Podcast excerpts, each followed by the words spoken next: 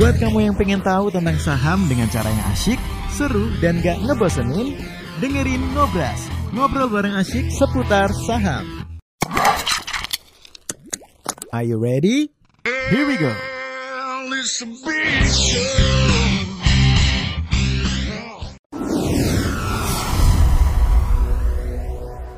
Apa kabar? Luar biasa ya. Bersama saya Nick Daniel, ada Papat Alian Budiman dan ada Brokil juga ya. Seperti namanya klinik pasar, kalau kita mau ke klinik pasti ada karena ada keluhan ya. Ada keluhan dan ada yang menyebabkan terjadinya keluhan itu Bapak Ibu ya. Entah itu salah, entah itu kelebihan, entah itu kekurangan. Semua akan kita bahas di sini. Bergabung di klinik pasar hari ini yang pasti buat sobat investor yang udah join sama kita di Zoom Terus ada yang ada di udah gabung sama kita di Instagram dan di YouTube. Selamat sore semuanya. Dan buat Bapak Ibu yang udah standby, Pak saya mau masuk ke klinik nih, boleh diketok dulu ya, atau angkat tangan, atau boleh langsung uh, nyalakan mic-nya Bapak Ibu, biar kita bisa nih uh, memulai dari mana. Saham-saham apa portofolio hari ini? Hari ini ISG kita memang agak sedikit menegangkan ya minus 0,76 ditutup hari ini. Saham-saham juga banyak turun, tapi menjelang akhir sepertinya ada beberapa saham-saham yang udah mulai bangkit lagi. Kira-kira apa masalah Bapak Ibu? Keluhannya, portofolionya, atau watchlistnya? Sampaikan ke kita. Ada Mas Fat dan ada Brogil. Selamat sore Mas Fat. Selamat sore Hendrik, selamat sore Bapak Ibu sekalian. Selamat sore Brogil. Selamat sore Bang Hendrik, selamat sore semuanya. Terima kasih buat waktunya ya. Oke, sebelum kita bertanya ke Bapak Ibu nih, sobat investor. Sebaiknya sih kayaknya dokter sih juga punya masalah. Dokter juga namanya manusia ya. Iya. Kadang juga dokter sakit gigi, kadang dokter gigi sakit gigi. Iya lah. Terus dia noko-noko gigi sendiri. Hmm, sakit. Nah, Mas Fat, Hmm. sakit nggak? Jadi Bapak Ibu, kalau seandainya Bapak Ibu berpikir bahwa kita juga ibaratnya kalau kita semua ini ibaratnya nggak mungkin loss tuh bohong lah. Bohong lah. Bohong lah. Jadi saya akan buka klinik pasar sore ini dimulai dari keluhan saya dulu. Uh, serius Iya Mas? dong, kita harus kita harus apa adanya, kita harus cerita apa adanya dan apa yang saya lakukan kalau keadaannya seperti ini. Ya dong, kita Iya semua harus tahu dong. Iya dong. Jangan eh, hanya bisa kasih saran aja kan, kita juga harus ibaratnya terbuka juga sama Ibu sekalian. Jadi Iya. Kalau dari saya sendiri Bapak Ibu, jadi emang hari ini kalau dibilang bagus nggak nggak bagus sih. Ya jadi portfolio yang saya pegang secara keseluruhan hari ini turunnya sekitar 3,8 persenan hari ini. Jadi kalau IHSG-nya turunnya 0,7, nah, portfolio saya turun 3,8 persen Bapak Ibu. Berapa? Jadi 3,8 persen. Hari ini turun 3,8 persen. Jadi kalau Bapak Ibu merasakan Pak saya hari ini merah sana saham di portfolio saya hari ini semuanya merah. Merah saya semua. Dan kalau karena kebetulan saya itu tipikalnya sukanya yang swing, saya tahan sampai beberapa waktu kemudian baru saya jual. Jadi kalau Bapak Ibu tanya keadaan tadi ada nggak yang saya jual kan saya juga harus cerita dong. Nah kebetulan saya pribadi nggak ada yang saya lepas dari pagi itu dari pagi ke siang eh, menjelang sore dari penutupan nggak ada yang saya lepas karena saya berpikir bahwa ya memang nggak ada masalah seharusnya. Jadi saya akan cerita dulu kenapa sih sama pasar ini Kenapa sih pasar ini kok tiba-tiba ngambek? Kenapa sih pasar ini kok dia berbalik arah mendadak gitu ya? Di regional juga merah segala macam. Jadi mungkin Anda bertanya-tanya kenapa ya? Ada apa ya sama pasar ya?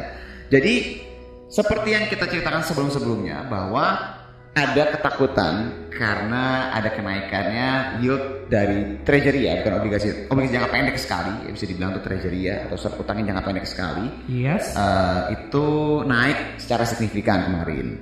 Nah, ketakutan pasar akan adanya inflasi yang lebih tinggi akan membuat adanya kenaikan suku bunga. Eh, itu yang sebenarnya membuat pasar itu agak takut. Makanya kemarin agak ditenangkan sama dari eh, dari sisi bank sentralnya Amerika. Tapi baik lagi, yang namanya pasar itu butuh kepastian. Jadi kalau anda melihat bahwa oh pasarnya turun pak, itu namanya pasar tuh butuh kepastian. Ini iya iya enggak enggak. Oke. Habis ditenangkan kemarin, ini kira-kira apa nih langkah selanjutnya? Ya, Nah, kita tuh akan mendengar langkah selanjutnya itu adalah satu mengenai stimulus, di mana beritanya itu kita akan dengar di hari Rabu minggu depan keputusannya dan pasti gubernur bank sentral ini akan kasih komentar lagi nih. Itu ada di hari Kamis minggu depan. Jadi sebenarnya apakah pasar ini takut dengan kejadian? Ah, mungkin nggak ya Pak? Stimulusnya nggak jadi.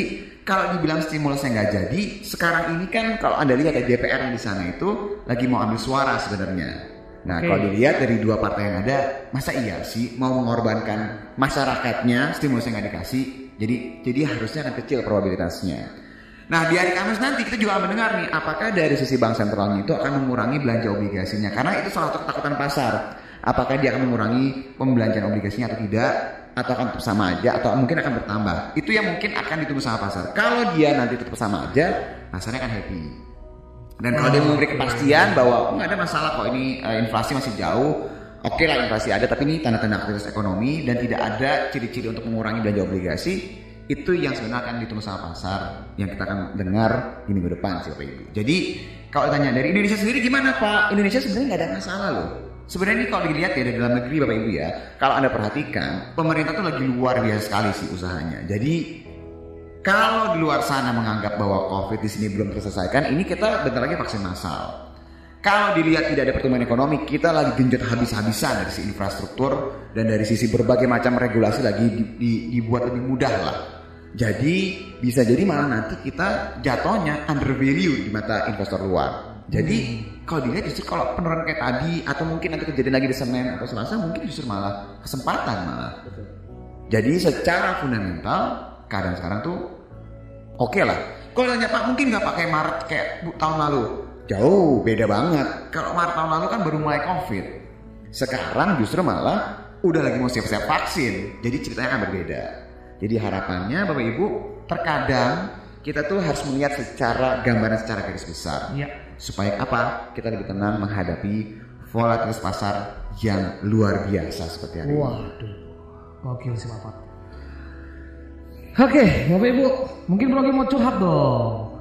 5 menit aja, 5 menit, 3 menit. Ah, kalau dari kalau dari saya pribadi Bapak Ibu portofolio saya juga merah semua hari ini. Oke. Berarti penurunannya memang kalau saya nggak salah sekitar 2,26 persen nih. Cuma yang membuat saya sedikit tenang adalah satu yang keadaan yang seperti yang dijelaskan Pak Fat tadi sebenarnya pengaruhnya seharusnya sementara saja. Jadi masih aman-aman jika dibandingkan dengan yang di Maret itu. Dan yang kedua seperti biasa saya itu selalu menyediakan cash maksimal cash yang harus yang tidak boleh saya belanjakan adalah 40% sejauh ini. Jadi sebenarnya saya masih punya cash 40 sampai 50% untuk melakukan pembelian di bawah lagi nih. Yes. Jadi masih ada peluang nih kalau misalnya uh, kan saya tipe tipe orang yang misalnya menunggu ketika dia udah break resisten kemudian koreksi sehat itulah area entry saya nih.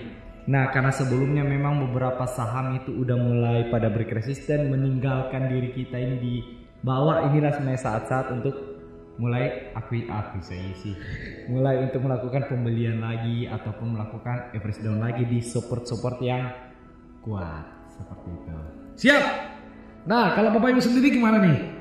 Hmm. Ada yang mau diomongin? Diobrolin kalau aku sih cuma kesel aja hari ini. Jeko kok belum turun.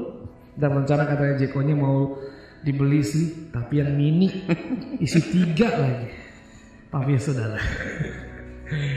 Oke, yang mau ngobrol-ngobrol nih, berarti kalau misalnya luar biasa nih, kalau misalnya, aduh aku masih aman-aman aja pak, luar biasa. Berarti bapak ibu sudah mengukur resikonya ya. Berarti bapak ibu sudah mengetahui profil resikonya. Oh aman kok, sahamku masih aman kok. Atau mungkin ada yang kelewat, aduh pak saya kelewat tadi. Saya kelewat tadi pak, misalnya sholat Jumat, nah bro Om Rido tuh. Sholat Jumat tiba-tiba BANK-nya banknya ARB dan nggak bisa keluar. Oh, oh itu dia BNK. Yes, dan nggak tahu nih besok di suspend, so, suspend, suspend atau enggak. Soalnya kemarin udah di suspend. Tadi sempat tinggi banget sih. Oh, oke. Nah, Oh, gitu iya, ya, iya, semua iya. investor ya, kayak gitu tadi. Mhm. Boleh diungkapkan, boleh diobrolin kalau emang misalnya masih aman pak. Amannya seperti apa? Atau lebih menenangkan lagi? Aman nggak sih pak? Boleh sobat investor ngobrol-ngobrol, nggak usah takut ya. Karena di sini keliling pasar kita udah udah membuat ritme baru nih. Jadi ngobrol lebih lebih intens sama sobat investor. Mungkin sekitar lima orang cukup sejam. Yang biasanya kita lakuin sekitar lima orang cukup sejam.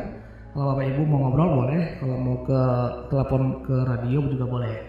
Ngobrol langsung ya.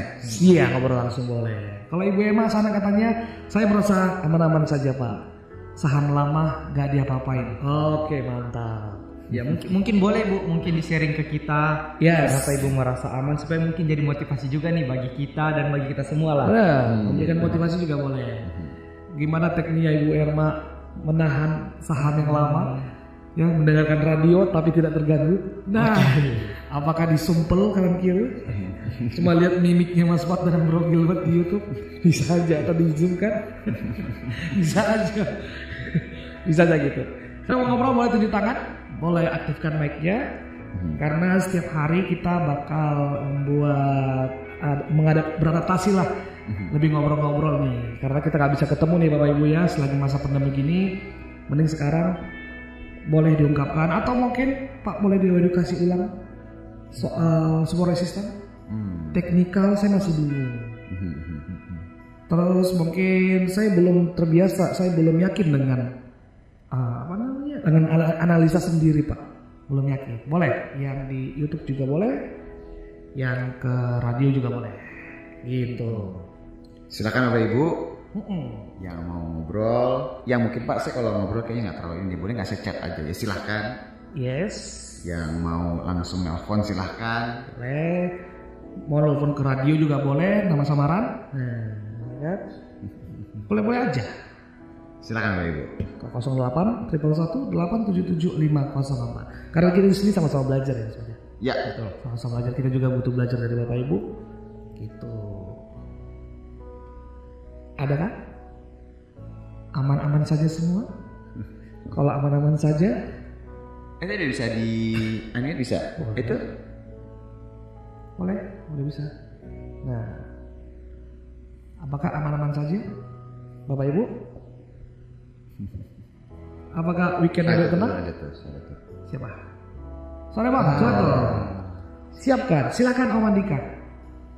Ini ada beberapa nih, tapi juga ada yang eh, direct message ke saya juga nih. Saya juga ada nih, ke radio juga nih.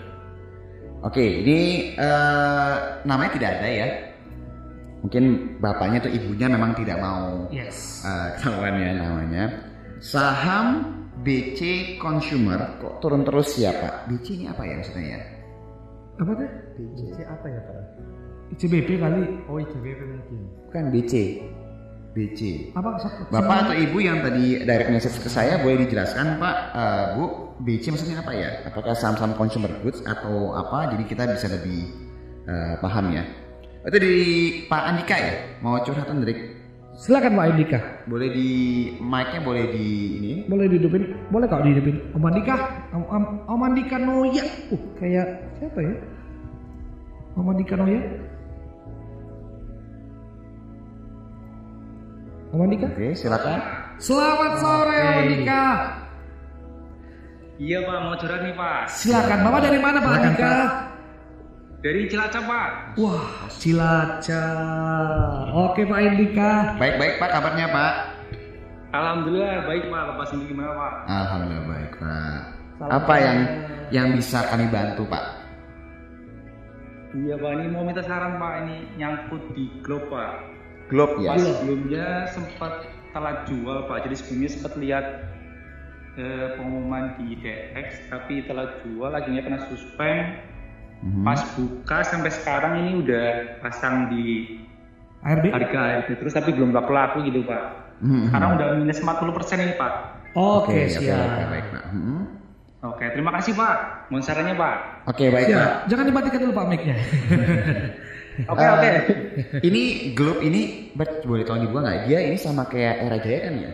Ah, dia perusahaan yang bergerak di bidang retail produk telekomunikasi di Iya, Indonesia. betul, Pak. Iya. Jadi, Jadi- bagian grupnya dari Trikomsel oke. Iya, jadi ini Global Teleshop ya, yang yang yang kalau misalnya kita kalau suka beli eh, niat-niat gadget atau misalnya apa eh, handphone dan segala macam ada di mall-mall aksesoris ya. Eh, dia ini namanya Global Teleshop atau kodenya itu Globe nih Pak. Pak, kalau seandainya Bapak bertanya, eh, kita boleh tahu nggak Pak waktu itu Bapak beli si saham Globe ini kenapa Pak Andika Pak? Kalau boleh tahu Pak. Eh, kalau pas itu kan saya masih baru nih Pak. Cuma lihat itu kan kayaknya dia sering arah-arah gitu ya Pak ya. Oh, Oh, siap, oke. siap, Iya. siap, siap, siap. Terus tanya temen juga kan, oh ini bagus nih, masuk aja ya Pak gitu kan. Hmm. Akhirnya masuk nih. Hmm. Pas lihat di IDX kena- ternyata dia kena UMA gitu kan Pak. Mm-mm. Kita mau dijual tapi ya itu Pak telah dijual Pak. Pas Oh. mau dijual Pak udah suspend duluan. Oke baik Pak. Ini eh, saya mungkin cerita dari sisi eh, perusahaan dulu kali Pak ya. Sebentar ya Pak ya. Ini saya buka sahamnya. Sebentar ya. Oke ini udah kebuka. Nah, Oke, jadi kalau misalnya eh, bertanya, saya mungkin cerita dulu tentang perusahaan yang biar Bapak eh, lebih ada gambaran lebih jelas lah ya tentang si perusahaan ini seperti apa. Jadi ini perusahaannya yang tadi seperti saya bilang Pak, persis sama kayak perusahaan eh, Era Jaya ya. Dia itu eh, jualan kayak handphone, terus aksesoris dan kalau misalnya di mall-mall tuh banyak lah eh, yang saya sering kita sering ketemu lah nah, nama si Global Teleshop ini. Kalau Bapak tanya sebenarnya dia sebenarnya bagus atau tidak sih?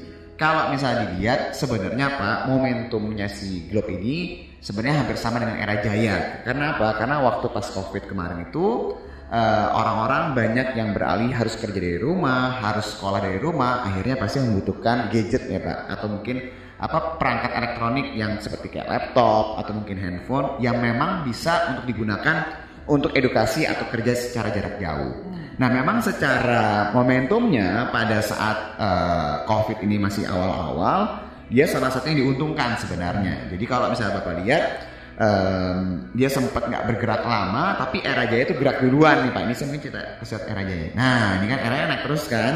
Kalau dianya agak berbeda ceritanya, agak diem lama baru dia bergerak. Nah, pertanyaannya adalah sekarang apa yang harus Bapak lakukan sebenarnya kan? Jadi saya cerita dari sisi fundamentalnya Bapak tadi sudah tahu, dari sisi pergerakannya kalau Bapak lihat dia itu sejak Januari kemarin ya, Januari eh, tahun ini naiknya itu kencang banget tadi, tadi Bapak bilang. Dan kalau kita lihat dia kena suspend itu dua kali. Suspend pertama itu kejadian di perteng- eh, akhir-akhir Januari Pak, sama yang kemarin itu terakhir-terakhir itu adalah di awal sampai awal Februari lah dia di suspend. Jadi suspend dua kali sampai akhirnya sampai sekarang sana masih turun. Nah, kalau seandainya Bapak tanya, Pak, ini gimana ke depannya? Apakah dia masih akan terus turun atau tidak? Kalau dilihat sampai dengan sekarang, Pak, ini memang belum ada kayak tanda-tanda ada perlawanan dari sisi pergerakan di, sah- di sahamnya, Pak ya. Jadi memang salah satu caranya adalah ya dengan menggunakan ya sudah dijualnya terus di harga ARB. Nah, cuma pertanyaannya adalah mungkin nggak sih Pak dia nanti akan ada pergerakan lagi? Itu kan pasti kan salah satu yang pengen kita cari tahu juga ya Pak. Ini sebenarnya hampir-hampir sama kalau Bapak ingat eh, cerita ada saham kemarin beberapa waktu yang lalu di suspend lama pas dibuka langsung turun turun turun turun turun sampai nanti pada akhirnya Bapak akan lihat nih Pak Andika akan lihat nih Pak nih di sini nih. Nah di bawah ini nih Pak ini kan volume ini. Ini kan kayak belum ada apa ya kenaikan dari sisi volume kecil sekali Pak. Nanti tuh ada titik di mana ini apa yang histogram di bawah ini mulai naiknya lumayan nih Pak. Nah itulah baru ada tanda-tanda perlawanan dari si globe-nya ini. Jadi Bapak punya dua pilihan. Satu, ya sudah Bapak pasang di harga ARB, tapi normalnya setelah nanti ARB Bapak terjual, normalnya loh Pak, biasanya tuh saham ini kalau misalnya kejual banyak orang bisa jual, normalnya dia ada perlawanan tuh. Jadi Bapak bisa ya sudah, saya ikhlaskan lah Pak, saya jual aja di ARB, yang penting saya nggak nggak belilah saham-saham yang memang pas lagi naik saya beli gitu ya. Atau memang mau nggak mau ya sudah saya tunggu, karena ketika nanti ada pergerakan pasti nanti ada perlawanan gitu karena kalau dilihat nih tipikalnya sama seperti itu pak. Turunnya tuh nggak ada volume dan kalau nanti ada volume ada perlawanan normalnya normalnya ada pergerakan yang besar sih. Harusnya seperti itu. Jadi apa yang harus bapak lakukan sekarang? Yang pertama kalau seandainya bapak bilang "Ya sudah deh yang penting saya keluar dulu saya nggak mau pusing ya sudah saya antri terus di harga RB bapak bisa itu tiap hari atau yang kedua ya sudah saya tunggu aja tapi ini harus agak memperhatikan pasarnya ya pak karena nanti normalnya ketika dia mulai ada volume yang besar, biasanya harga sahamnya bisa nutupin tuh ARB beberapa hari terakhir ini, gitu Pak. Jadi jadi ini yang bisa banget diperhatikan Pak. Kayak gitu Pak Andika. Baik Bapak, terima kasih Bapak. Sama-sama Pak Andika. Oke, Luar biasa. Terima next kasih. ini ada juga Pak yang. Oke, ini ada yang bertanya berikutnya ini dari eh, Ibu Adinda ya.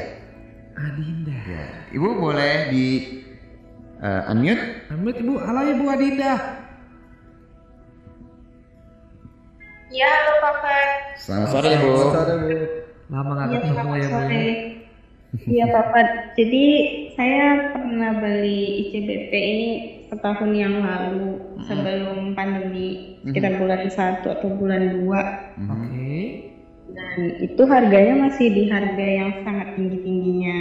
Mhm. Nah, kemudian pas pandemi, ya udah langsung jatuh. Tapi saya masih yakin karena fundamentalnya ICBP ya, saya belinya tuh karena fundamentalnya.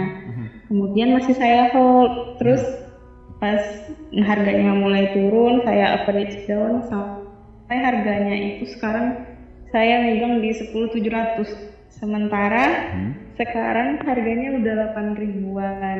Minus saya tuh udah 20 persenan, hampir hampir 20. Ya. Kira-kira menurut eh, bapak-bapak gimana peluang ICBP ke depannya ya gitu? Hmm. Oke. Oke. Ini eh pertanyaannya adalah kira-kira ke depannya si ICBP akan seperti apa ya Bu Adinda ya. Jadi saya mungkin akan cerita dari sisi eh, si perusahaan ini sendiri ya, si ICBP ini sendiri ya. Jadi kita coba cari tahu dulu Bu. Eh, boleh nggak? Tadi kan Ibu bilang ya, bahwa berarti tadi Ibu bilang Ibu tuh beli kayak emang karena fundamentalnya ya. Jadi saya akan mulai dari fundamental si ICBP dulu. Oke, jadi kalau misalnya dibilang apakah ICBP perusahaan yang eh, tidak bagus secara fundamental, sebenarnya kalau ibu perhatikan perusahaan ini adalah perusahaan yang kalau saya boleh bilang eh, meskipun kayak COVID kemarin atau keadaannya sedang krisis ekonomi, produk-produknya adalah produk yang tetap akan dibeli.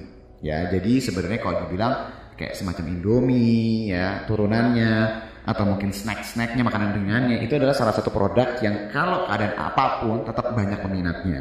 Pertanyaannya adalah kan perusahaannya bagus pak, kok dia malah turun terus ya?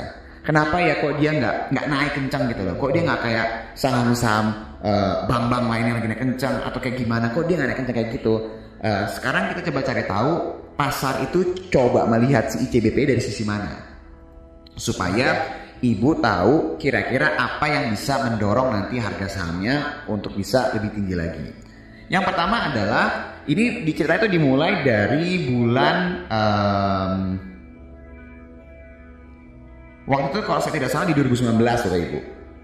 Oh maaf, di ya 2019 terus eh 2002 2020 awal 2020 awal waktu si ICBP itu bilang dia mau akuisisi Pine Hill atau eh, perusahaan yang ada di luar negeri di mana itu ada eh, pemegang sahamnya ada yang sama ya eh, di mana pasar itu melihat bahwa oh kalau ngambil si Pine Hill ini di harga tertentu ini tergolongnya sebenarnya mahal gitu. Jadi kalau Ibu perhatikan pasar itu kurang suka sama perusahaan yang memang mengakuisisi apalagi dengan valuasi atau dengan harga yang mahal. Misalnya nih Pak eh, Bu, si ICBP ini beli Pine Hill, misalnya harganya berapa harganya? Misalnya 10 triliun deh. Menurut pasar gimana? Menurut pasar, oh ini murah nih. Nah pasar akan suka tuh.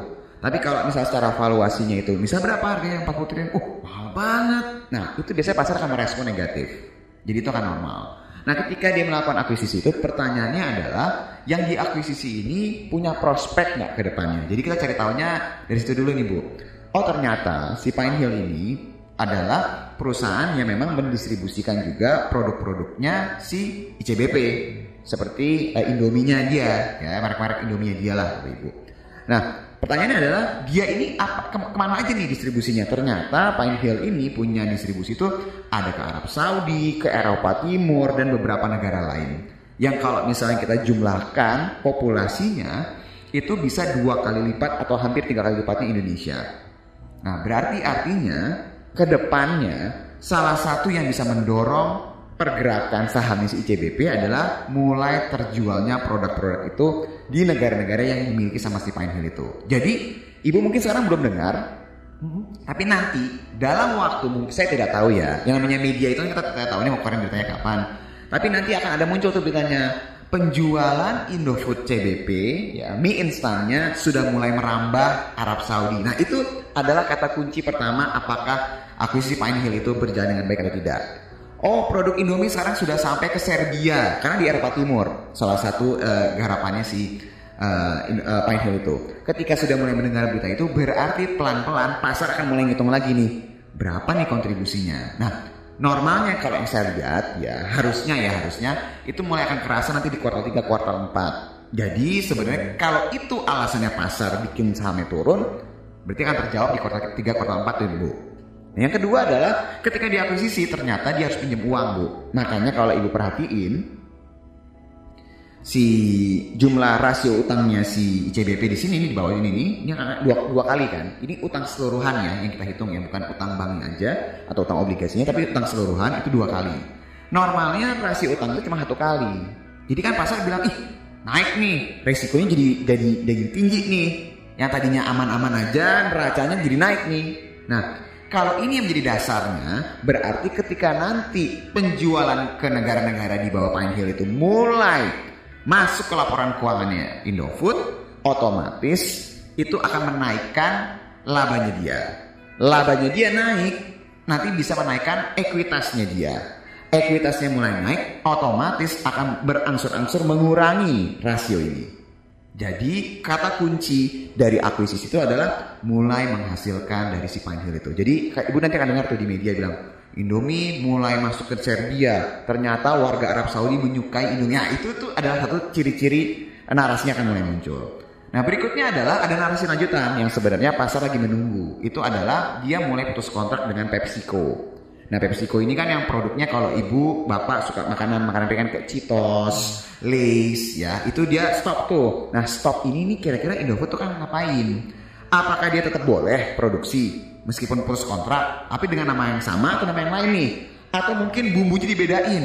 Atau mungkin sama sekali nggak boleh produksi itu sama sekali? Nah ini yang pasar akan coba niat nih.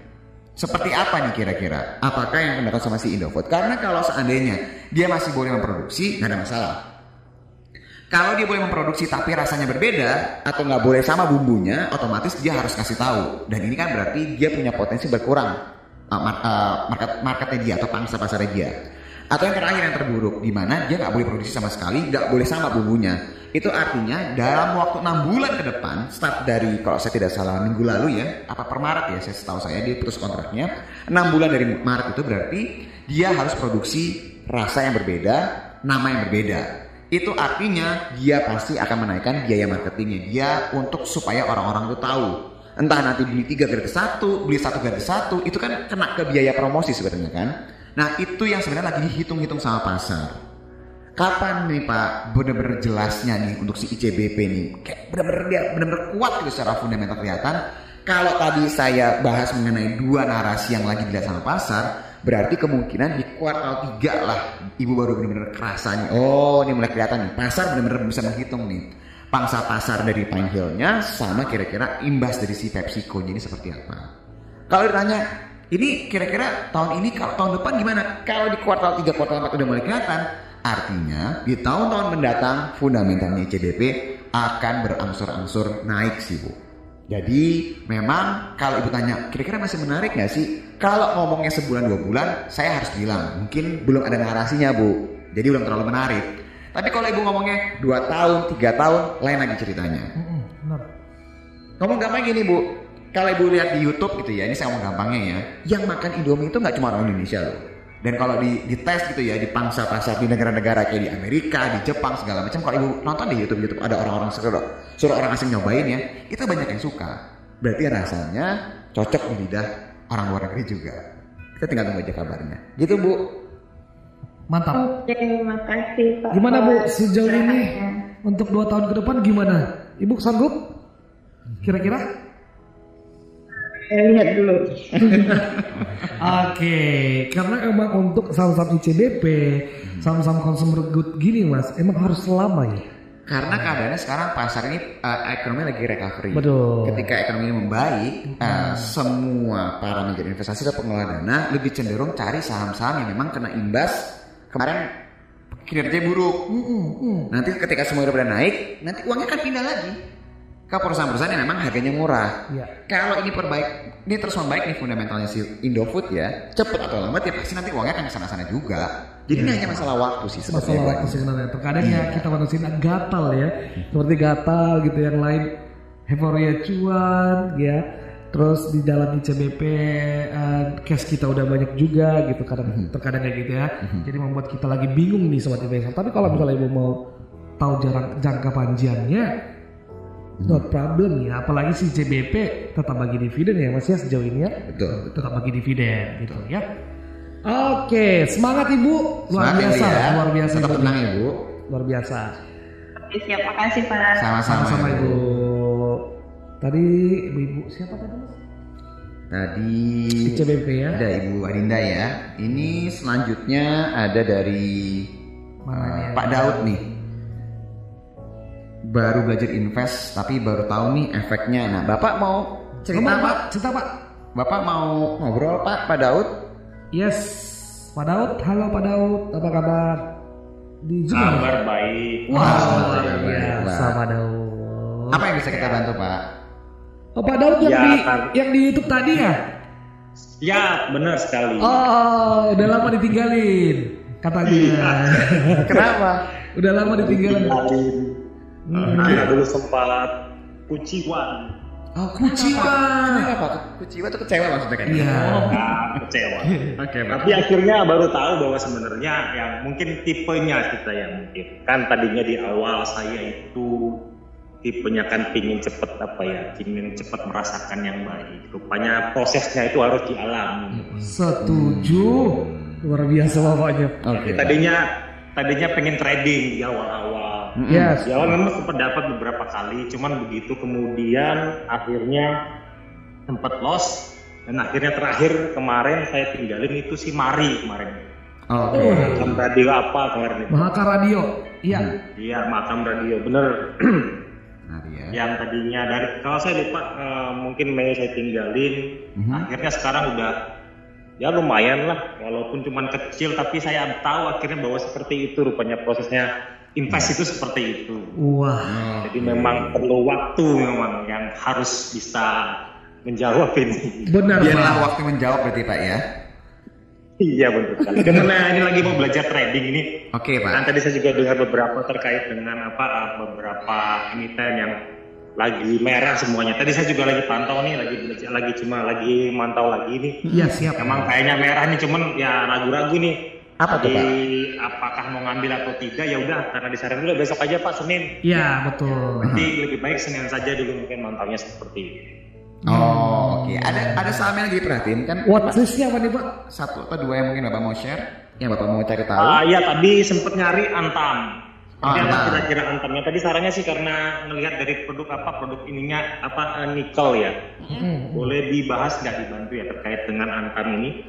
Siap. Oke. Jadi mungkin eh, agak hafal dikit saya sih lama-lama dengan Antam ini ya. Iya. Jadi eh, memang Tapi sebelum ke sana Mas, ya eh, kekecewaan selama di pasar itu bisa membuat atau kita memang harus berhenti dulu, istirahat dulu, Yes. baru masuk lagi. setiap orang itu tipenya beda-beda. Oke. Iya, jadi mungkin kalau seperti Pak Daud, ya Iya. memang lebih baik ya sudah saya tinggal dulu deh. Saya Istirahat lagi dulu. nanti ya. Oke. Apakah saya juga pernah? Pernah. Mas pernah? Pernah, pernah. Pernah. Oke. Jadi mau tahun berapa tuh saya agak stop. Saya capek lah ibaratnya. Iya. Karena terkadang itu kita cuma butuh apa ya, ketenangan sementara aja sih. Hmm, hmm. Tapi pasti kita akan kembali lagi. Kangen ya? Kangen gitu loh. Kalau di pasar tuh selalu kangen gitu loh. Nah, supaya kangen itu terobati, coba kita cari tahu. Yes. Nah, kebetulan kan Pak Daud sudah mulai bersabar. Ya. Slogan tadi dibilang bahwa biarlah waktu menjawab. Yes. Ya, sudah waktu sudah menjawab. Nah, sekarang Pak Daud mulai mencoba lagi nih. Welcome Pak. Ya, nah kalau si Antam ini, saya coba ngebahas dari sisi narasinya dia dulu. Oke. Ya, jadi kalau yang Bapak Ibu sering dengar, emang Antam ini agak sering dibahas banyak orang ya. saya, saya lihat banyak sekali di grup-grup lain pun juga banyak saya lihat. Memang Antam ini ceritanya itu sebenarnya kalau saya boleh bilang masih panjang banget sebenarnya. Karena kalau berita terakhir adalah pemerintah itu memastikan pabrik baterai itu akan berjalan di tahun 2023. Nah kalau jalan tahun 2023 berarti nggak menarik dong Pak sekarang. Nah tahun 2023 kan pabriknya jalan, bangun pabriknya kan nggak semalam, pasti beberapa tahun pembangunannya. Jadi normalnya yang akan kita dengar adalah apakah nanti Antam ini ketika sudah bergabung ya dengan holding jadi satu baterai holding ya, eh, apakah akan butuh yang namanya pendanaan? Karena pasti bu- bi- bu- bikin pabrik baterainya ini bukan yang kecil. Karena yang saya baca adalah bisa memenuhi kebutuhan skala internasional. Iya. Jadi nggak main-main nih sebenarnya. Nah hari ini juga sebenarnya Antam tuh tadi saya sempat lihat sempat agak saya perhatiin ya hari ini tuh luar biasa ya naik turunnya ya. Tapi bapak ibu perhatiin nggak ada satu hal yang nggak kelihatan dalam beberapa hari terakhir. Apa itu? Volumenya dia tiba-tiba naik signifikan. Ya hari ini tuh transaksinya 3 triliun lebih. Kenapa kok bisa? Karena Antam per hari ini masuk ke indeks MSCI atau MSCI Index global yang eh, skala besar. Jadi kalau Bapak Ibu bertanya apa itu MSCI Index? MSCI Index itu adalah indeks yang memang dibuat sama saya lupa ya kepanjangannya si MSCI itu apa. Tapi yang jelas ketika indeks ini dibuat isinya ada saham-sahamnya. Jadi kalau MSCI Asia atau Indonesia gitu ya. Terus di luar sana atau di dalam sini ada pengelola dana yang mengikuti indeks tersebut isi portfolionya dia harus ngikutin tuh. Jadi kalau Antam yang masuk dia harus beli, S hardware keluar dia harus jual. Makanya hari ini kalau dilihat transaksi Antam tuh dibandingkan beberapa minggu terakhir naiknya kencang banget. Nah, apakah Antam yang akan naik hari? Saya tidak tahu. Apakah akan turun juga saya tidak tahu. Tapi kalau Bapak Ibu melihatnya itu jangkanya panjang, cerita tadi yang saya jelaskan, terkadang untuk mencapai titik tersebut jalannya nggak lurus. Nah, dia naik turunnya itu agak kurang enak gitu loh. Jadi kalau dari sisi chartnya sebenarnya sejauh ini juga masih aman, nggak ada masalah. Dan dari sisi narasinya juga masih kuat dan masih terus berlanjut. Jadi kalau seandainya Pak Daud berminat gitu ya, Bapak misalnya mau trading tadi diulangi kan, Ya. berarti Pak Daud bisa nih Pak coba misalnya Senin, tapi saya nggak tahu ya akan dapat atau enggak ya. Antri-antrian di kisaran sekitar berapa nih? 2700 sampai dengan 2008 2350 lah. Itu area uh, support kuat bangetnya lah Antam situ. Saya nggak tahu apakah dapat atau mungkin Bapak nanti antrinya di 28 atau 2790 saya nggak tahu ya. Karena yang namanya uh, pasar apalagi di arus rebalancing MSCI ya, normalnya sih bisa berbalik gitu. Normalnya lah saya bilang normal. Karena kita ingat banget kejadian waktu pas PTB tahun lalu ya, yang dia langsung tiba-tiba ARB, besoknya langsung berapa hari kemudian langsung naik kenceng kan. Nah itulah uh, efek dari MSCI sih. Jadi kalau seandainya Pak Daud berminat, nah Bapak bisa tuh cari-cari tuh entry point-nya tuh atau mobilnya di area-area yang sebenarnya udah deket banget sih tadi tuh. Jadi sebenarnya tuh tadi hari, hari ini tuh sebenarnya dia udah deket banget sama area support kuatnya si Antam sih. Gitu sih Pak Daud. Oke mas. Kalau untuk ngejar momentum antam ya. Mau trading ya. Mau trading, mau trading ya. Gitu Pak Daud. Oke. Semangat Pak ya. Ya semangat. Ya. Buat semuanya nih kayak gini memang. Welcome Pak Daud. Kalau saya mungkin perlu waktunya lama, mungkin beberapa orang ya mungkin tiga bulan, enam bulan, kalau saya nggak tahu. Tapi memang pasti buahnya manis kok. Oke. Siap Pak Daud, welcome Pak Daud. Kita selalu info selalu di radio Mas Fatia. Iya. Di YouTube juga kita belajar bareng lagi Pak Daud ya. Mantap. Siap, siap. Terima kasih, semangat semua. Semangat Semangat, Pak. Daud. Oh tadi yang dari user yang direct message ke saya itu bilang bisa langsung blue chips. Oh, blue chips. Jadi kenapa ya Pak? Kok ICBP, INDF, HMSP, Unilever turun semua? Kalau saya ngomong dari sisi eh, sektornya, ini kan ada Unilever, ada juga ICBP, ada juga INDF, ada juga HMSP ya.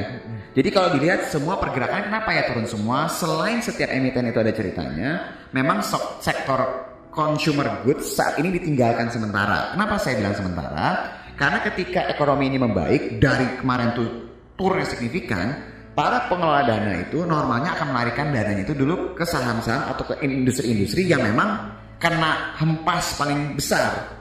Ya biasanya itu yang utangnya besar, yang minus performanya. Kenapa? Karena pasti ketika recovery atau membaik ekonomi itu, mereka yang akan naiknya kenceng duluan. Karena dari minus bisa langsung plus tuh, labanya tuh. Itulah yang dikejar terlebih dahulu. Sedangkan kalau yang consumer goods, mereka tenang-tenang aja. Stabil keuangannya, neracanya sehat, nggak ada masalah. Jadi pengelola dana itu normalnya lebih suka sama saham-saham yang atau industri yang kena imbas terlebih dahulu, minusnya dalam, tapi minusnya langsung membaik atau langsung dari dari minus jadi plus. Tapi nanti ada fasenya di mana ketika semua itu benar-benar kenceng, gantian lah dia. Dirubah lagi nanti uangnya masuk lagi ke saham-saham yang belum naik. Jadi ini consumer goods ya Bapak Ibu ya. Ini hanya masalah waktu kok. Tapi kalau untuk rokok ini memang perlu diperhatikan. Karena rokok ini sentimennya dari sisi apa cukainya yang mungkin yang akan berimbas agak besar ya. Itu sih eh, Bapak atau Ibu tadi yang direct message ke saya ya. Jawabannya kurang lebih seperti itu. Siap, luar biasa. Oke, ini dari Ibu Erma nih mau diskusi. Siap Ibu Erma. Silakan di uh, unmute Bu. Halo Ibu Erma. Ya, halo. Halo, Apa Ibu. kabar, Ibu? Eh, tanya dong, Silakan. eh, lagi ada cash. di- tap- eh, kemarin kan saya tanyakan saham yang punya narasi panjang gitu terus dijawab eh, dengerin aja morning briefing atau apa sih itunya tuh yang mau nikah ya nanti kalau sudah ada gitu ya mau nikah Oh iya. tuh terus udah dengerin dengerin tapi kayaknya masih ragu gitu mungkin karena baru sehari ya Oke. jadi belum belum tahu mau ngapain mau beli apa lagi gitu yang yang kira-kira bisa buat invest gitu Hmm. Oke, eh, ibu sendiri mau investnya berapa lama? Rencana. Mm-mm. Ah, satu tahunan sih Niatnya pasti satu tahun lah gitu kalau lama juga nggak tahu sih Eh, kadang-kadang kan mungkin bisa dapat ya pengen jual gitu. Iya, itu Pak. Benar benar benar Bu, benar. Bu boleh tahu nggak ibu selama ini trading atau invest Bu Erma kalau boleh tahu? Ah, kalau saya bilang saya eh, udah kan dulu eh, udah lama nggak ini kan juga termasuk kayak, kayak si bapak tadi tuh lah cuman iya. eh, kemarin saya tuh kan cuma ingat ini kan apa namanya kalau beli pas lagi turun gitu kan jadi kemarin saya tuh ada beli lagi di kayaknya sih mungkin sekitar Maret atau April gitu ya Mm-mm. jadi eh, apa namanya sekarang sih udah 200% sih kayaknya Wow. Wow, wow. jadinya kok kayaknya ketagihan yang modal-modal gitu gitu Biar waktu yang menjawab ya. Wow, wow, gokil. Apa tuh kode sana kalau boleh tahu Bu? itu yang diomongin si bapak tadi Oh, Mari. Oh, bukan bukan bukan hantam oh Antam. Ya, ibu berarti tahan ya, nggak dijual-jual ya. Ya, kayaknya itu lebih cocok buat saya karena kan saya sambil kerja ya. Oh iya. Oh, iya, pantas. Iya, iya, iya, iya. Benar, benar, benar, benar, benar. Nah, Bu, itu kan antum naik turun naik turun itu, Bu. Mhm. Ya, Gatel gak jual? oh enggak, eh, ah, ah. kalau yang dikhususkan buat invest enggak. Oh, niat ya Mas Fat. Eh, Oh. karena udah mulai ngerasain di atas 100, jadi kayak di atas 100 persen, jadi kayaknya sayang banget ya kalau dijual. Gitu. Terus kan narasinya panjang kan, gitu. Sebenarnya malah mau nambah sih, ya. cuman kayaknya belum tepat ya mungkin ya. Atau Oke. berharap turun lagi gitu biar bisa nambah lagi. Oke, jadi sebenarnya kadang-kadang eh, agak dilema juga sebenarnya. Ketika kita pegang eh, suatu saham yang naiknya udah kencang, kalau ditambah kayaknya nanti malah turun persentasenya. Itu jadi ketakutan ibu nggak persentasenya turun? Eh, ada juga sih dikit gitu. Benar, benar, benar. Ya jadi sebenarnya ini normal sih terjadi, terjadi ya. Jadi kalau kita sudah punya saham yang naiknya udah kencang banget, kayaknya agak agak segen gitu ya mau Iya, nambah lagi. benar. Akhirnya coba-coba cari-cari yang lain.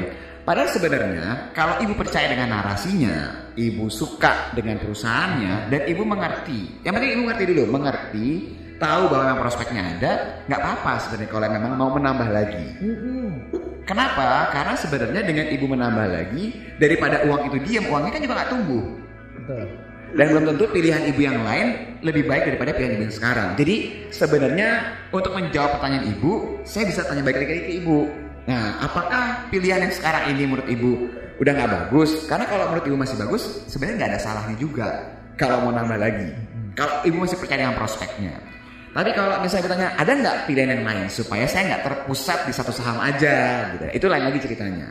Kalau memang itu ceritanya ibu cari, berarti ibu cari perusahaan-perusahaan yang memang kalau saya boleh bilang dia secara bisnis berubah drastis lah secara model bisnisnya. Betul. Nah kalau ibu tanya saham apa ya kalau saham apa nanti kita rekomendasi jatuhnya nanti kita jadi salah atau mungkin gini boleh nggak apa nama emiten yang tiba-tiba muncul di, di kepalanya ibu? Nah itu coba kita bahas tuh. Apakah itu benar? Ya, jadi kan sebenarnya kan kita di sini lebih mencoba untuk mem- membantu bapak ibu sekalian. Apakah itu bukan masalah salah atau benar, tapi ibu sama bapak tuh tenang nggak beli sahamnya nanti ke depannya? Nah, ibu ada nggak kira-kira yang kepikiran sama apa sekarang? Eh, ada sih mulai baca-baca ininya apa namanya kayak yang diajarin Mas Cak kemarin ya. Saya Hah? juga sering dengerin juga kan Oke, kayak terima public expose-nya misalnya apa expose presentasinya itu ya. Oke. Ah, ah. Tapi sementara sih, eh, kayak saya kan lebih sukanya ke pertambangan ya gitu kan. Oke.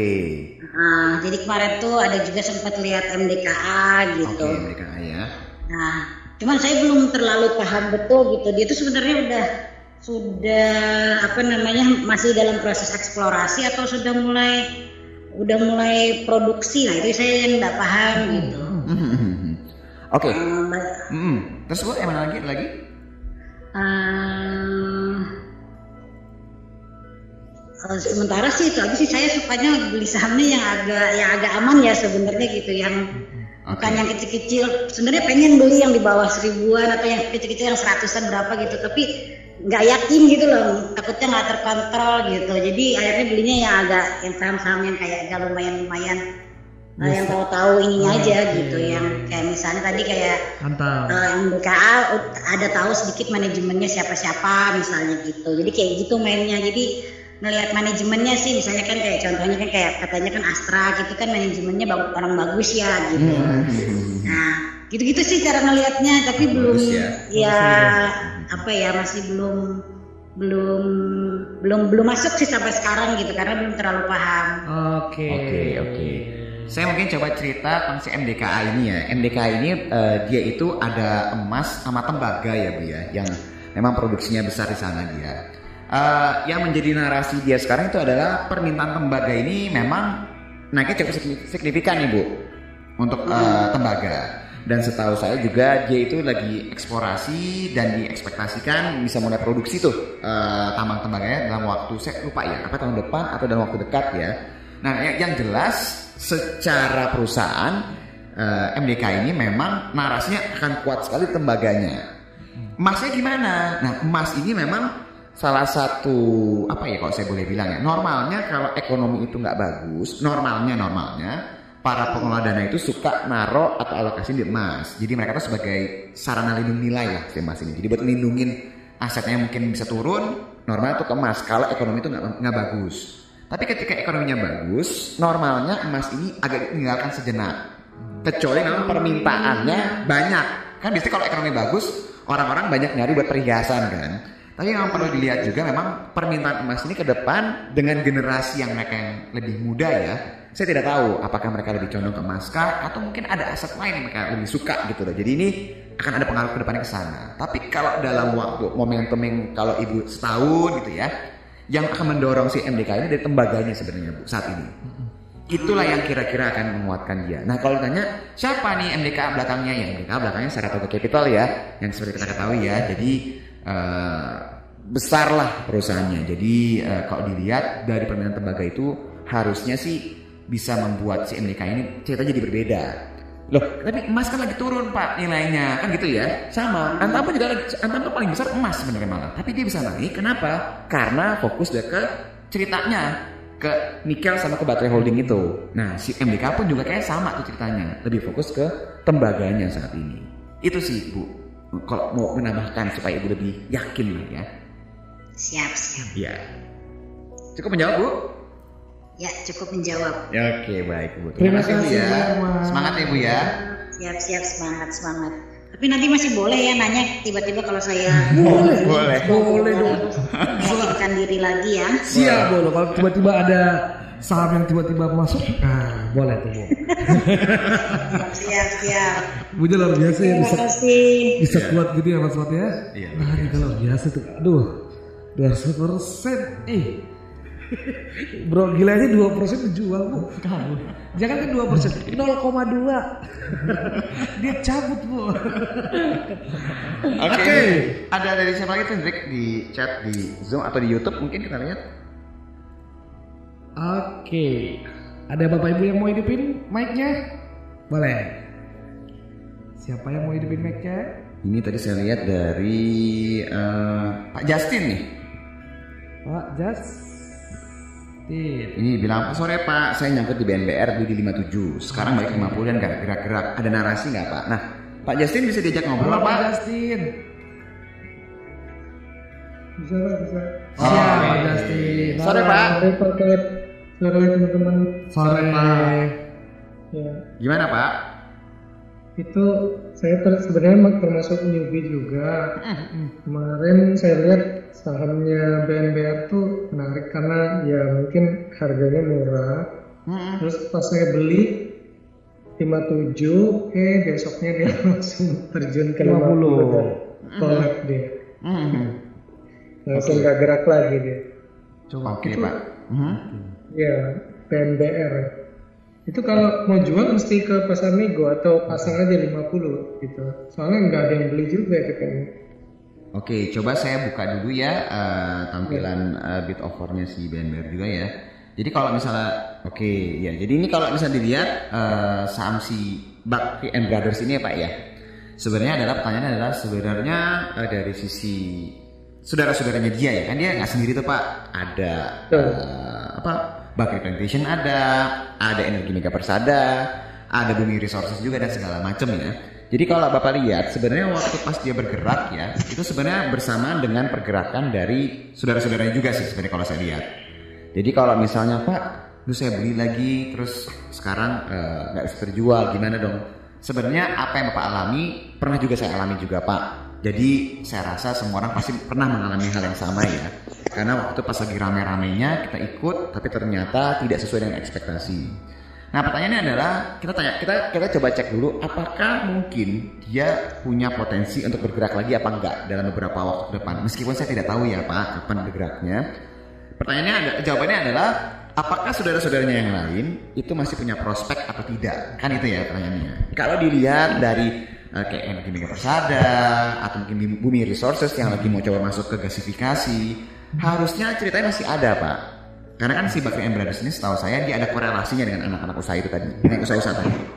Jadi ketika nanti saudara-saudaranya yang memang ada korelasi dengan si Bakri and ini harusnya akan mulai kasih sentimen positif lagi ke perusahaan ini. Cuma mungkin Pak, saya harus bilang saya kita nggak tahu Pak kira-kira kapan bergeraknya. Nah kalau seandainya Pak saya yang penting bisa jual deh. Apakah saya terus taruh aja ordernya di apa? eh ini mati ya. Sorry buat tahu itu harus diklik itunya tuh. Kontra. Jadi kalau misalnya bapak tanya, apakah saya taruh di ARB aja ya pak? Ya itu salah satu caranya sih sebenarnya. Tapi kalau misalnya memang mau lebih cepat lagi, memang mau nggak mau jualnya di pasar nego. Cuma kalau lihat di sini pasar nego ada nggak yang mau beli? Kalau dari sini sih ada sih pak, yang memang berminat di harga kayak 35, di harga 34, memang jauh di bawah harga pembelian bapak. Nah sekarang tinggal lagi ke Pak Justin. Eh, ini kan kalau bapak lihat nih ya di eh, harga negonya ya ini ada nih pak yang mau mau beli ini ada nih. Cuma memang eh, teknisnya di pasar nego itu berbeda sama pasar reguler. Bapak nanti hubungi eh, pihak kami ya eh, dari sisi si eh, tim kami nanti dia akan menghubungkan ke sana untuk cari pembelinya baru nanti akan disambungkan pak. Jadi baik lagi sama Pak Justin, apakah Bapak mau tunggu bisa dijual di harga 50 ya itu berarti menunggu sampai ada pergerakan atau mungkin solusinya mau nggak mau ya memang melalui pasar negosiasi gitu Pak. Jadi baik lagi nih ke Pak Justin nih, apakah oh Pak saya ternyata nggak butuh-butuh uang banget kok, ah dan juga nggak apa-apa atau mungkin ya sudahlah Pak saya anggap itu uang belajar jadi saya jamin aja lah atau mungkin ya deh Pak yang penting saya bisa keluar deh saya bisa bisa nggak ya jual di pasar nego nah baik lagi ke Pak Justin. Pak Justin itu maunya seperti apa kira-kira penggunaannya dananya kapan itu mungkin Bapak yang bisa lebih tahu Pak kurang lebih Oke, mungkin saya bukakan dulu public expose-nya, Pak. boleh boleh boleh Oke. Oke Pak, jadi di sini kalau misalnya yang BNBR itu sebenarnya dia itu adalah perusahaan holding Pak. Jadi dia memang mempunyai beberapa perusahaan yang bergerak yang bisnisnya terdiversifikasi lah kalau kita lihat. Nah ini adalah contoh-contohnya nih Pak yang di public expose-nya yang saya buka ini. Salah satu misalnya kayak perusahaan-perusahaannya dengan singkatan nama MKN, dia di bagian infrastruktur, kemudian juga ada yang di bagian bus listrik, ada juga jalan tol, jembatan baja, bahan bangunan, pipa baja, minyak, migas dan saluran air nih Pak. Nah kalau misalnya ke depannya yang kita lihat sebenarnya yang si BNBR ini uh, cenderung juga akan terdampak uh, dapat uh, apa, efek positif lah dari misalnya SWF, dari misalnya omnibus law atau juga dari yang masalah nikel itu Pak. Nah saya juga tadi sempat membaca mengenai tanya jawab dari uh, waktu di public expose-nya ada penanya nanya seperti ini nih, apa yang akan dilakukan oleh perseroan perseroan mengenai uh, R- EV-nya ini uh, atau untuk baterai listrik ini perseroan dari kata dari manajemennya dijelaskan bahwa mereka lagi coba mengkaji apa yang akan mereka lakukan dan sumbangsi apa yang sebenarnya yang bisa mereka masukin nih untuk terkait dengan yang Berhubungan dengan uh, listrik ya? iya, berhubungan dengan listrik. Hmm. Nah cenderungnya Pak kalau memang saham yang bisa kita bilang saham tidur seperti ini dia membutuhkan satu narasi yang kuat untuk bisa dia bangun entah dari perbaikan fundamentalnya ataupun yang memang biasanya yang paling kuat itu mengenai aksi korporasinya seperti reissue tuh Pak. Hmm. Tapi sejauh ini memang dari perseroan mereka mengatakan bahwa sejauh ini belum ada mengenai aksi korporasi itu tapi ke depannya mereka akan coba kaji Pak. Kapan itu kita belum tahu Pak karena terakhir yang saya lihat untuk aksi korporasi reissue-nya mereka itu di 2018. Hmm. Seperti itu. Gitu Pak. Thank you, thank you Pak. Sama-sama, Pak. Iya, Sangat Pak. Membantu, paling nggak saya ada informasi-informasinya jadi nggak blank sama sekali. Iya Pak. Siap, siap. Sama-sama Pak. Nah, thank you Pak. Selamat Ya, sore. semangat ya Pak ya. Ya, thank you Pak. Iya Pak. Bisa satu lagi ya? Terakhir Hendrik ya. Terakhir, Terakhir ya. ini terakhir, Bapak Ibu. Siapa yang beruntung? Wah sih, mendapatkan tiket ya. Halo Bapak Ibu, siapa yang mau aktifkan mic-nya? Biar weekendnya tenang nih. Ah, tenang aja. Halo, ini- selamat sore. Ini tadi ada pertanyaan nih dari sebentar. Pak siapa tadi nih? Siapa? Oh, Pak sebentar. Pak Arif ya? Pak Arif? Pak Arif Hidayat. Bapak mau di unmute Pak? Ngobrol Pak? Sore Pak. Sore Pak. Arif. Iya Pak. Nah, mau tanya untuk NPR. Oh ini lever ya? Unilever, Unilever, Unilever. Hmm? Saya pertama masuk di pertengahan Januari Mhm. di 7.400. Hmm, oke. Kemudian eh, sudah efek down satu kali di posisi 72 sekarang. Nah, Mhm. hari ini saya tengok ada kenaikan jadi 7.000. Apakah ada tanda-tanda pemilikan arah ini Pak? Oh, oke. Jadi eh, yang ingin Bapak tanyakan adalah apakah ada sinyal pemerikan arah ya? Iya. Nah, apakah boleh saya tambah porsi Oke. atau WNC dulu? Oke. eh, kalau dilihat dari hari ini tadi tuh tiba-tiba dan setelah coba saya, saya coba saya coba buka ya ini sini.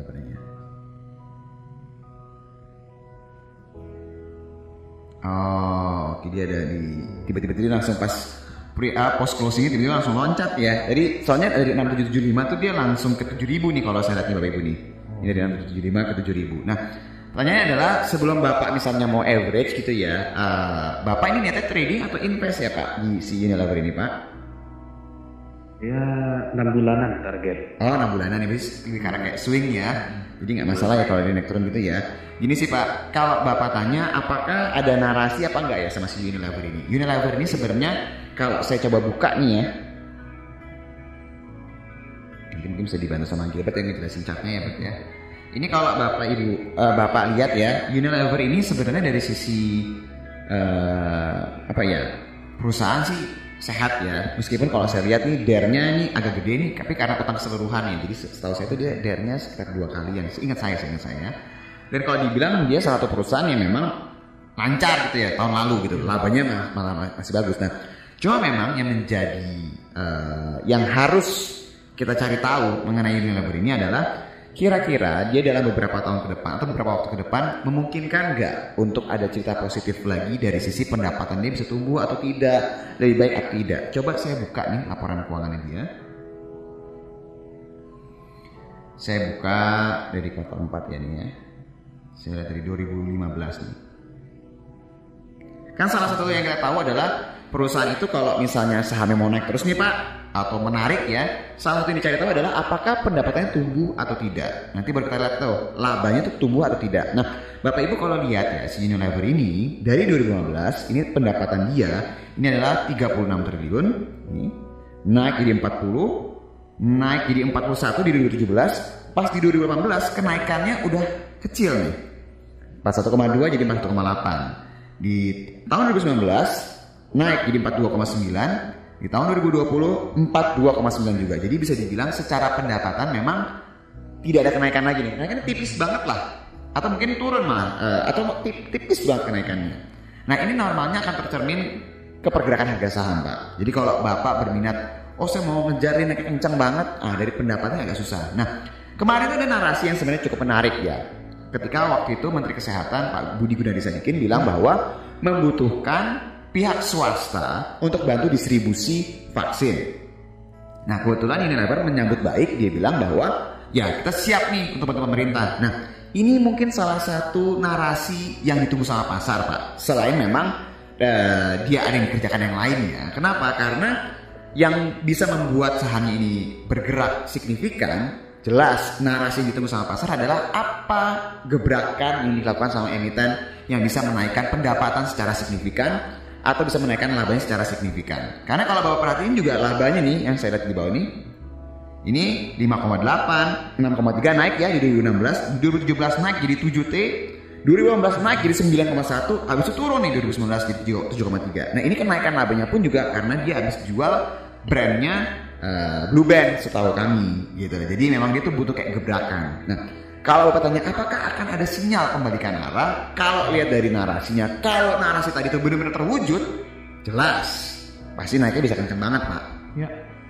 Tapi kalau ternyata ini hanya sekedar technical rebound karena kalau misalnya Bapak Ibu perhatikan ini kan dia emang udah di areanya udah jenuhnya udah jenuh jual banget. Ya ini kalau lihat gambarnya nih ya. Nah ini kan dia udah turun turun turun turun turun turun.